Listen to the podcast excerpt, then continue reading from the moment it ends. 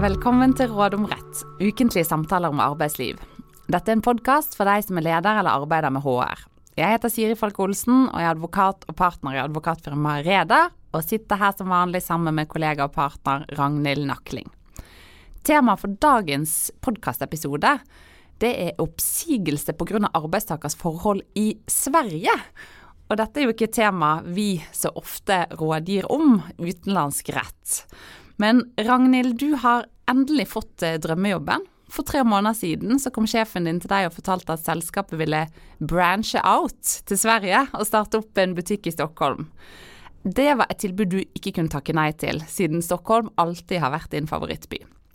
Du har lenge vært butikksjef for en av selskapets andre butikker i Oslo, men du har alltid ønsket å flytte til Sverige og jobbe der. De første månedene i jobben går knirkefritt. Dagene går med til du blir kjent med ansatte som jobber i butikken, setter deg inn i butikkens systemer og utforsker Stockholms vakre gater. Etter hvert så begynner ting å bli litt vanskeligere. Du har flere ansatte som gjentatte ganger ikke dukker opp på jobb uten å si ifra. Du har tatt det opp med de ansatte flere ganger, men ting ser ikke ut til å bli bedre. Det begynner å bli så ille at det går utover driften, og du må selv jobbe overtid for å få bemanningen i butikken til å gå opp. Du har også konkret bevis på at en av de ansatte har stjålet en vare dere selger i butikken. I din tidligere jobb i Oslo opplevde du ikke slike saker, og du har ikke håndtert dette før, og du vet i hvert fall ikke hvordan du håndterer sånne ting i Sverige. Det er tross alt et nytt land med nye regler. I utgangspunktet så tenker du at det burde være grunnlag for oppsigelse pga. arbeidstakers forhold, men du har jo ikke lyst til å gjøre noe feil og si opp den ansatte urettmessig. Det har vært korona, folk har hatt det tungt, og du vil ikke gjøre situasjonen noe verre med mindre det er grunnlag for det, og at du har rett til å gjøre det du skal. Du prøver å google og får opp en rekke svenske artikler og innser at dine svenske språkkunnskaper fortsatt ikke er helt på topp, men klarer å finne noe relevant informasjon. Så Ragnhild, hva tror du at denne butikksjefen fant ut ved å google oppsigelsesreglene i Norges naboland? Ja, jeg er litt usikker på hvor mye hun vet om de norske oppsigelsesreglene fra før av, da. Men jeg tror jo at hun fant ut at de er ganske like, de norske. Stillingsvernet det står jo sterkt i begge land, både i Norge og Sverige. Men da må man jo si at selv om det skal en del til for å si opp en ansatt i Sverige òg, så kan man absolutt gjøre det. Samtidig så er det noen ulikheter som hun må være oppmerksom på hvis hun skal gå videre med dette. Jeg forstår, men kan ikke du da si noen ord om hva skal til for at arbeidsgiver kan si opp en ansatt pga. det vi kaller arbeidstakers forhold i Sverige?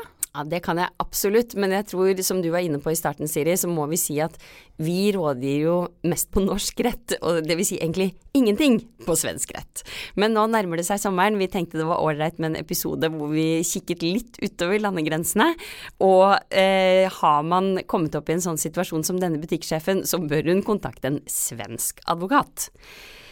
Ja, det, så det, det forbeholdet må vi nesten ta. Ja, det er jeg enig i. Det var det forbeholdet. Men nå som du er ferdig med dette, for vi har jo vært en del borti hva slags regler som gjelder i Sverige. Kan du si noe om hva som skal til for å gi en oppsigelse i et sånt tilfelle?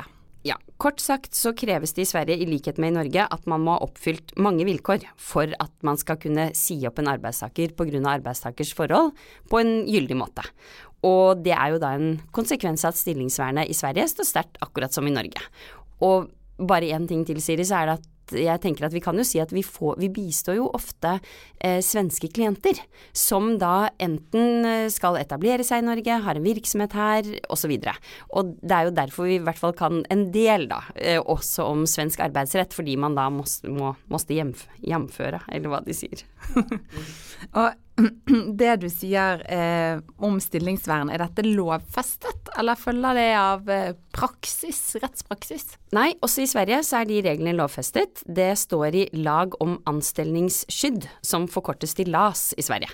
Og det er den svenske versjonen av den norske arbeidsmiljøloven, for å si det veldig enkelt. Og denne loven, gjelder den eh, i alle tilfeller, eller kunne butikksjefen avtalt seg bort fra den, inngått en avtale om at den loven ikke skal gjelde?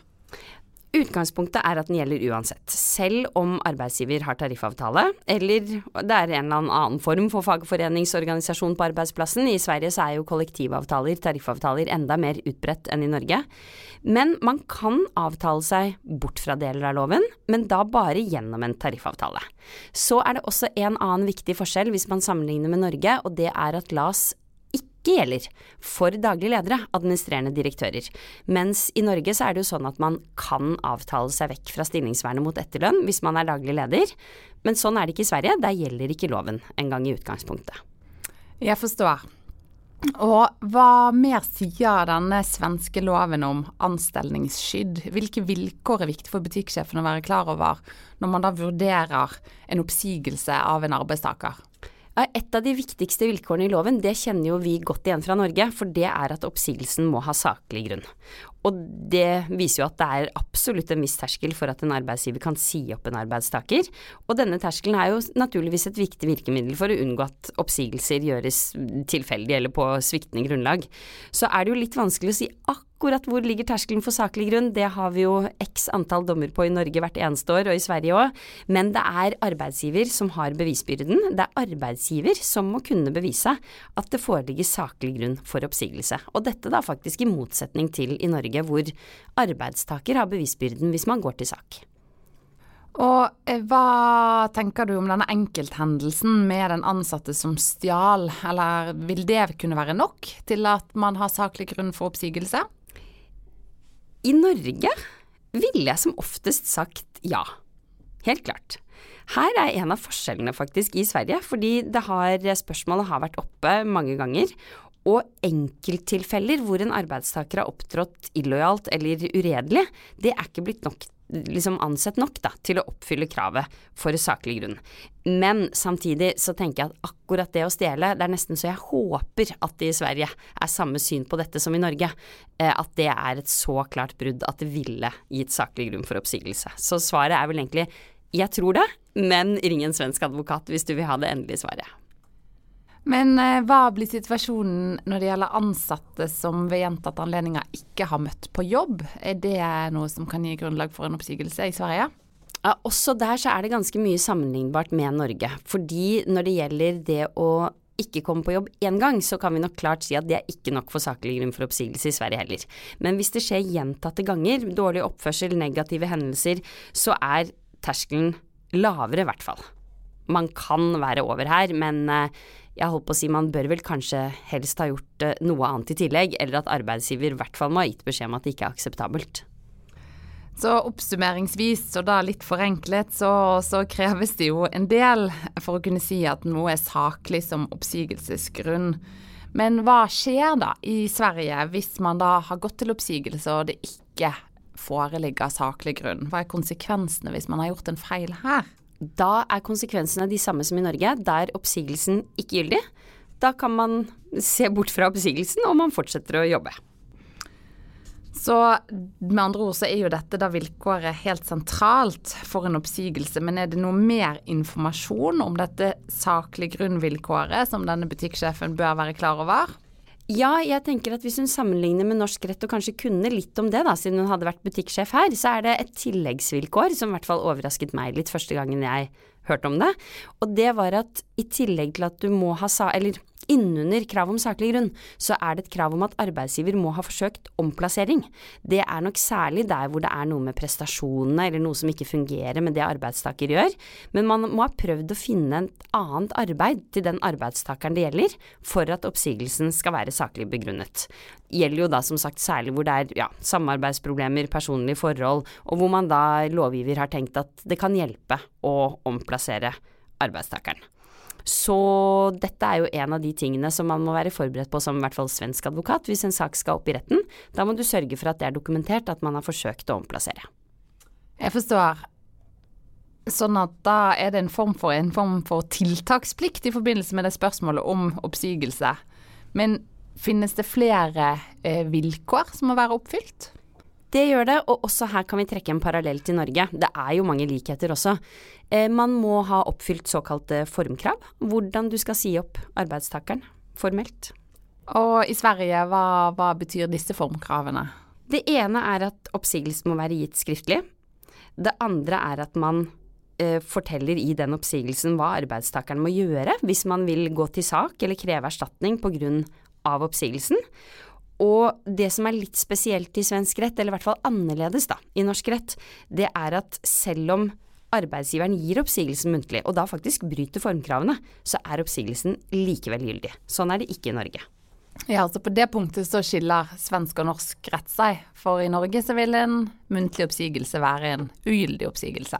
Det stemmer. Er det noen andre krav du tenker er viktig å nevne i forhold til hvordan en oppsigelse skal gis? Jeg tenker at det er eh, greit å være innom også dette med at den i utgangspunktet skal gis til arbeidstaker personlig, men hvis det ikke er mulig, så skal den sendes med rekommandert brev. Og det er jo et unntak som nok brukes en god del, tror jeg i hvert fall, i Sverige, akkurat som i Norge, og som kanskje de siste årene har vært brukt enda mer når man ikke alltid har vært på kontor og sett hverandre. Og tidsfrister, finnes det? Kan arbeidsgiver si opp en ansatt når som helst, eller oppsigelsesfrister? Ja, der er det også en litt annen variant, vil jeg si, enn her i Norge. For der er det bestemt at hvis det er skjedd en hendelse på arbeidsplassen som kan gi grunnlag for oppsigelse, så har arbeidsgiver en form for handlingsplikt. Da må man ta tak, og man må gjøre noe innen to måneder. Så har du kjent i det forholdet som du sier opp personen på grunnlag av i mer enn to måneder, da kan du ikke bruke det som oppsigelsesgrunn. Er det en absolutt regel, i en form for nærmest en sånn reklamasjonsfrist man må si ifra, eller finnes det unntak her? Jeg tror de som hører på oss en del, vet jo at det er veldig sjelden at vi snakker om regler, og så ikke kommer over til noen unntak eller noen ja, tillegg, tilleggsvilkår. Her er det også et unntak hvis forsinkelsen, altså det at det har tatt mer enn to måneder å eh, gi oppsigelse pga. arbeidstakers forhold, hvis det skyldes arbeidstaker, da gjelder ikke regelen. Og hvis det er sånn at arbeidsgiver viser at det foreligger særlige grunner, så kan man begrunne oppsigelsen i forhold som har vært kjent lenger enn i to måneder. Og da kan du Vet du noe om hva som typisk vil kunne være særlige grunner? Ja. Alvorlige tilfeller. Da eh, trenger man ikke følge den regelen. Jeg forstår. Og så er det en ting eh, som jeg har tenkt på. Det er jo dette her ut ifra hvordan man har det i Norge. Er det sånn at arbeidstaker har en rett til å uttale seg før en oppsigelse eh, besluttes? I Norge har man dette med drøftelsesplikt, det krav om drøftelsesmøte. Har man noe tilsvarende i Sverige? før en oppsigelse gis? Jeg vil si noe tilsvarende. Her er det som det jo ofte er både i Sverige og i Danmark. Det er ganske likt, men ikke helt likt. I Sverige så må man ha gitt en advarsel til arbeidstakeren minst to uker før man går, til oppsigelse. Kan gjøres muntlig eller skriftlig, men det er jo selvfølgelig alltid lurest å gjøre det skriftlig. Og når man da har gitt et sånt varsel, da, så kan arbeidstaker kreve forhandlinger med arbeidsgiver. Så der er det på en måte snudd om, da. Det er arbeidstaker som da skal kreve det før oppsigelsen, mens i Norge så er det jo krav om forhandlinger som kan fremsettes av arbeidstaker etter at oppsigelsen er gitt. Og der er det også noen krav om at det kravet f.eks. må fremsettes senest en uke etter at varselet er gitt, og de forhandlingene må, må avholdes, da. Eh, og man kan ikke si opp før forhandlingene er avholdt. Og hva er konsekvensene da hvis eh, sånn varsling eller advarsel ikke er gitt? Nei, det som skjer er at hvis man ikke har varslet, så sier man automatisk at oppsigelsen ikke har saklig grunn. Så det er litt som i Norge hvis man ikke f.eks. har gitt oppsigelsen skriftlig. Og da er oppsigelsen ugyldig. Riktig. Og hvis vi da tar utgangspunkt i at arbeidsgiver har sagt opp en ansatt, um, men den ansatte mener da at det ikke foreligger saklig grunn, hva, hva skjer da? Hva kan den ansatte gjøre? At der er svensk rett ganske lik den norske. Fordi etter svensk rett så har man også rett til å stå i stillingen til saken er ferdig behandlet, og da skal man også få lønn. Men dette er bare et utgangspunkt. Man kan be retten om at man om at ansettelsen skal opphøre når oppsigelsestiden utløper, selv om da den hovedtvisten ennå ikke er avgjort. Og nå vet ikke jeg om Vi har jo også en sånn regel i Norge, men der er det en ganske høy terskel. Jeg vet rett og slett ikke akkurat hvor den ligger i, i Sverige. Men for eksempel, et eksempel er jo en situasjon hvor det var en arbeidstaker som hadde vært, eh, ja, hadde vært beruset eller rusa på jobb. Eh, amfetamin, alkohol, en god blanding. Og der la retten vekt på at det var snakk om svært alvorlige forhold, og sa da at du er ikke i stand til å gjøre jobben din, du må eh, stå eh, utenfor eh, stillingen til saken er avsluttet. Og så tenker jeg at vi har jo nå nesten glemt da, butikksjefen vår som dro til Stockholm og hva, hva hun skulle gjøre. Men nå har hun forhåpentligvis fått et litt bedre utgangspunkt, og særlig denne, særlig denne ansatte som har stjålet, hun hadde jeg gått videre med. Så får man heller jobbe på en annen måte når det gjelder disse som kommer for sent hele tiden. Tusen takk, Ragnhild. Og til slutt, hva, hvis du skal forsøke å oppsummere, hva er de tre viktigste punktene eh, lytterne våre skal ta med seg når det gjelder temaet oppsigelse pga. arbeidstakers forhold i Sverige? Hva må man huske? Det ene er at oppsigelsen må ha saklig grunn, akkurat som i Norge. Hvis du ikke har det, så er det ikke en gyldig oppsigelse. Det andre er at oppsigelsen i hvert fall i utgangspunktet bør være skriftlig og gis til arbeidstaker personlig. Og det siste, det er at en oppsigelse ikke er gyldig med mindre man har forsøkt å omplassere arbeidstakeren først, og å gi en advarsel minst to uker før du gir oppsigelsen. Det ble jo egentlig fire. Det var det vi hadde. Takk for i dag. Vi kommer tilbake med nytt tema og nye tips i neste episode.